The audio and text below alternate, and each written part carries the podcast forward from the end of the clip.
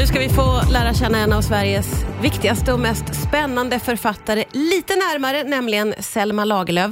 Dagens gäst har skrivit en biografi om henne som heter Jag vill sätta världen i rörelse. Välkommen hit Anna-Karin Palm. Tack så mycket. Du, vi vet ju att eh, Selma växte upp på Mårbacka i Värmland. Hur var hennes barndom skulle du säga? Ja, det var nog en på många sätt lycklig barndom. Hon eh, hade två systrar, två bröder, men bröderna skickades iväg och gick i skola på annan ort. Det var ofta så, medan tjejerna liksom fick uppfostras hemma av en guvernant eller så. Men de fick en utbildning i hemmet? En, ja, en liten utbildning ja. kan man säga. Ja. Och, eh, men de hade framförallt ganska roligt tillsammans tror jag. Men sen fanns det ju liksom en sorg som ju någon gång i hennes kanske knappt 8-10 års åldern, så att hennes pappa blev väldigt sjuk och eh, fick rådet att kurera sig med konjak och började dricka allt mer och blev liksom mer och mer alkoholiserad och nedgången. Så det här är liksom den stora skuggan över hennes barndom kan man säga. Ja. En pappa som, var, som hon stod väldigt nära får man ett intryck av. Som betydde mycket, som var väldigt liksom, fantasifull och eh, älskade litteratur och poesi och så. så att, men samtidigt, det fanns många starka kvinnor omkring henne där på gården, så att det var liksom inte som i en nutida familj där man blir väldigt utsatt, liksom. det kanske bara är mamma, pappa, två barn, så ja, blir ju en förälders alkoholism mycket tänker jag, påtagligare än när det nästan är som ett stort kollektiv. Liksom, ja, ja, ja. Olika personer som finns i de här barnens liv. Hur tidigt började hon skriva? Ja, alltså, det där vet man inte precis. Ehm, hon säger ju själv, men man får ta allt med en nypa salt som författare påstår om sin mm. egen barndom, men att hon redan vid åtta års ålder bestämde sig för att hon ville bli författare. Så drömmen fanns ju där tidigt och hon började säkert skriva lite redan då. Eh, alltså sådär som, som barn som gör. Barn gör. Ja, precis. Ja, ja. Men bara det att den här drömmen dök upp i henne tycker jag är rätt fascinerande, för det är ju inte helt självklart att en kvinna då eh, bestämmer sig för det här och är också så övertygad om att hon ska klara av det. Ja, och är det en del av hennes framgångssaga tror du? Ja, på något sätt kanske. Och Det är också en sån där sak som man... Jag har ju liksom trängt ganska djupt in i hennes liv, men, men det är fortfarande som ett mysterium för mig. Var kom den här otroliga självkänslan ifrån? Ja, vad, vad har du liksom Nej, kommit fram till inte. någonting? Ja, det finns ju lite olika, man kan liksom vrida och vända på det, men ytterst så är det faktiskt ganska gåtfullt, tycker jag. Att hon är så övertygad om, inte bara att hon ska bli författare, utan hon ska liksom bli en stor, berömd författare. Ja, ja och det, hon får ju rätt och det blev hon i mångt och mycket ja. får man ju ändå säga. Eh, du skriver i din bok att hon levde i en kvinnovärld. Jag tänker att vi ska prata vidare om det alldeles strax här på Rix FM. Rix FM. Rix FM. Idag får vi göra en liten djupdykning i Selma Lagerlöfs liv. Det är Anna-Karin Palm som är här, som ju har skrivit biografin Jag vill sätta världen i rörelse. Och jag sa ju det innan här att i boken så skriver du att eh, Selma levde i en kvinnovärld. Eh, och Det var du ju lite grann inne på redan från barndomen här, men vad menar du med det? Ja, alltså dels rent konkret skulle jag säga att det var nog egentligen ytterst få män som överhuvudtaget hade någon djupare betydelse i hennes liv, förutom hennes pappa och hennes bröder. Ja. Eh, utan alla hennes nära vänner var kvinnor och hennes kärlekar var kvinnor.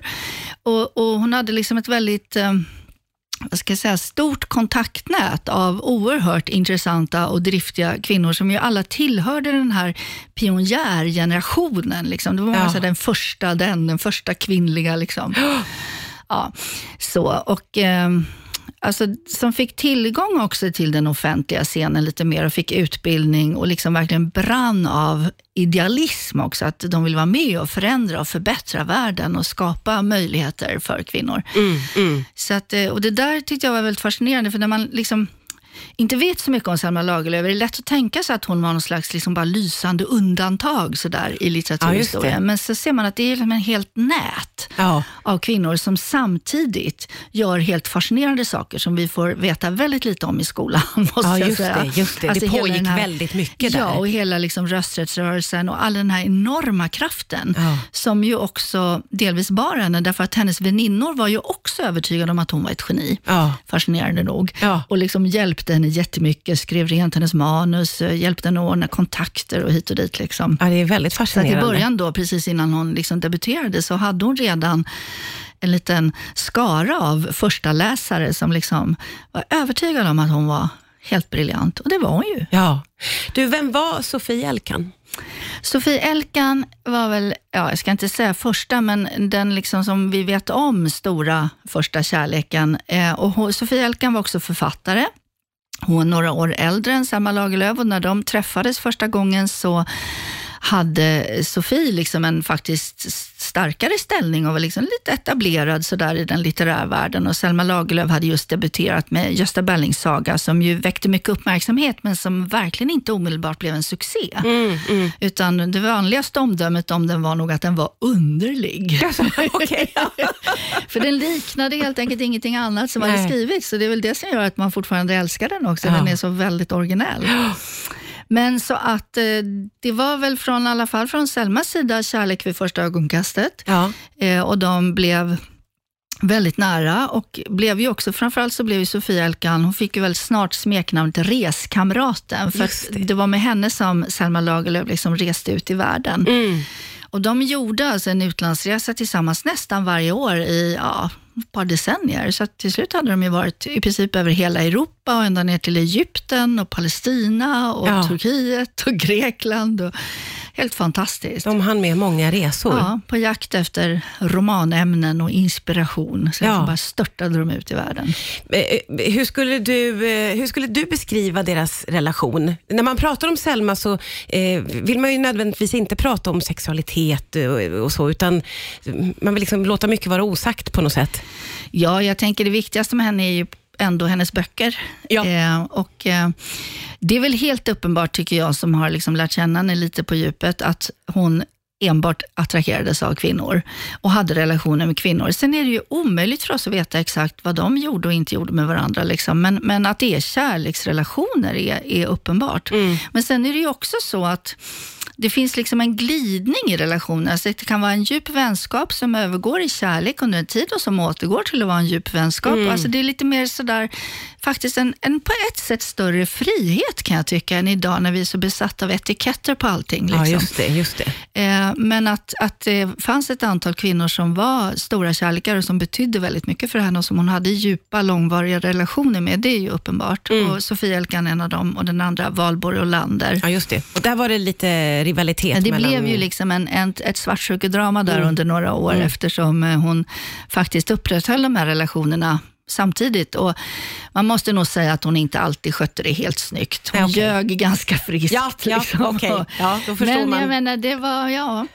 Eh, hon, hon var också enormt lojal liksom, med mm. dem hon en gång hade fäst sig vid och hade svårt att avsluta mm. en vänskap liksom, eller en relation. Och på ett sätt kan man säga att de behövde dem båda två, men ja, ja. på olika sätt. Vi ska prata om det faktum att ju, uh, Selma var första kvinna i, i många fall. Det pratar vi vidare om alldeles strax här på Rix FM. Rix FM. Rix FM. Ja, idag får vi fokusera helt och hållet på Selma Lagerlöf. Det är Anna-Karin Palm som är här, som har skrivit en biografi om henne. Och... Eh, om jag, hon får ju som första kvinna Nobelpriset i litteratur. Vad betydde det för henne, skulle du säga? Jag tror att det betydde ganska mycket. Alltså vid det laget var hon ju i och för sig ja, Sveriges mest uppburna författare. Hon sålde jätteupplagor, hon var översatt till många språk och var liksom en, en berömdhet på ett sätt som vi har svårt att föreställa oss idag nästan. Mm. Eh, men det var ju ändå en kulmen på en, en triumfatorisk karriär kan man säga. Så att, det finns ett jättefint foto av henne som är taget från de här Nobelfestligheterna i samband med det, där hon liksom sitter och har ett sånt här litet snett leende i mungipan. hon ser så otroligt nöjd ut. man känner, I made it. jag tror nog att det betydde en del faktiskt. Ja, och sen blir hon ju också första kvinna i Svenska Akademin. Ja, 1914 precis. Hon fick Nobelpriset 1909 och sen så blev hon invald. Och där tror jag att hon tvekade ganska mycket, därför att hon bodde ju då på Mårbacka och i Falun och eh, var rädd att, att det skulle liksom bli för mycket, dra henne ifrån skrivandet för mycket. Mm. Men att hon kände ju väldigt starkt, som hon så ofta gjorde, att om hon skulle ha tackat nej så skulle inte dörren öppnas för en kvinna igen på länge. Nej. Utan att hon liksom måste tacka ja också för att bana väg för för kvinnor, ja, kommande ja, men... kvinnor. Och det stämmer säkert. Alltså, det var ju väldigt många sammanhang där hon var den första och enda kvinnan. Ja, ja. Liksom. Och, och, det tar ju du också upp i din bok. Eh, du, du skriver att hon var medveten om att hon alltid var en representant för sitt kön. Ja. Och det var liksom viktigt för henne att, att vara det. Ja, eh, framförallt att hon, hon kände nog ett väldigt starkt ansvar liksom att försöka just se till, och till exempel hon satt i, i stipendienämnd på Albert Bonniers stipendienämnd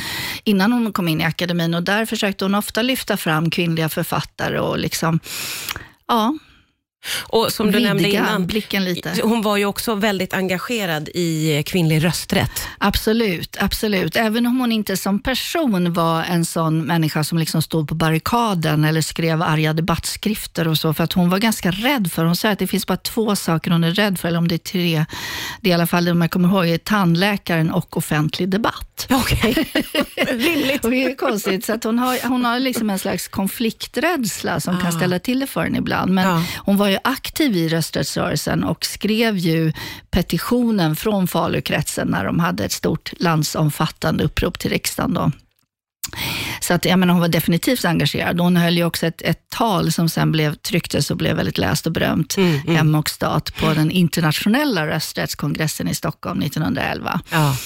Så sådana saker gjorde hon gärna och hon hade ju definitivt sitt hjärta och sitt engagemang där. Men förstår jag menar, hon liksom inte den där stridbara. Nej, det fanns det. andra personer som var mycket mera mycket tuffare på ja, det sättet. Det, liksom. men, men hon hade ju också en idé om, alltså författandet var ju centrum i hennes liv, skrivandet ja. var centrum. Hon hade en idé om att om hon inte blev för uttalat politisk i offentligheten så kunde hon lättare smyga sig in i människor och liksom påverka ah. dem inifrån. Ja, lite smart. Det är ganska intressant ja, hållning. Faktiskt. Så hon, liksom mer, hon såg nog det, sitt författarskap som ett sätt att liksom förändra världen, men just genom att försöka förändra människor inifrån. Ja, just det. Och som du nämnde, hon återvände ju till sitt Mårbacka och det var för att hon ville fokusera på skrivandet, eller? Ja, alltså det var ju egentligen, när hennes gamla faster dog så åkte hon och systern då tillbaka till Östra Ämtervik för att begrava henne. Och Det var då första gången som de hade varit tillbaka dit sen. Alltså familjen förlorade Mårbacka efter faderns död. Den, det hade ju gått med förlust väldigt länge och pappan var ingen riktig affärstalang, plus mm. att han då ju var så nedgången och mm. alkoholiserad. Och sen efter de som försökte ta över, det gick inte heller, så de gick i konkurs helt enkelt och fick sälja gården. Och Det här var medan Selma arbetade som lärarinna i Landskrona 1800 87, mm, tror jag, 89. Mm. 89 var det nog den såldes. Så det var ju liksom en enorm, det var en gård som hade varit i släkten i flera generationer, så det var en enorm förlust, men också en deklassering liksom, mm. av hela familjen. Mm. Och eh, för Selma kan jag tänka mig att det just då betydde också en, en befrielse, för att hon liksom kunde kliva ut ur den här nedärvda kvinnorollen. Och, och, det var ju lite då hon också hittade sin röst som författare. Ja, just det. Men att hon sen då kunde komma tillbaka och köpa tillbaka gården. Ja. Därför att de tyckte liksom den såg så nedgången och förfallen ut och hon kände att den kan inte bara få stå, för det börjar komma turister dit nu ah. från liksom Sverige och utlandet för mm. att se var den här berömda författarinnan växte upp. Och då kunde ju liksom inte gården stå där och vara alldeles sjavig och skräpig, utan den måste ju representera henne. Men så tänker jag att det måste ju också ha varit en särskild triumf att hon då, den halta, ogifta, upproriska dottern, är liksom den som köper tillbaka vad familjens ja. män en gång slarvade bort. Ja, och liksom återupprättar hela familjens heder ja, i hembygden där. Så fantastiskt. jag tror att det symboliskt betyder det jättemycket för henne och känslomässigt. Och, och jag menar, hennes roman hennes fiktiva universum är ju på något sätt hembygden där ja, kring Mårbacka. Ja, verkligen. Även ja. när hon inte bodde där så skrev hon ju fram det. det liksom. ja. Mm. ja. blir man eh, nyfiken, och det blir man ju på Selma Lagerlöf, då ska man slänga sig över boken Jag vill sätta världen i rörelse. Anna-Karin Palm, tusen tack för att du kom hit idag. Tack.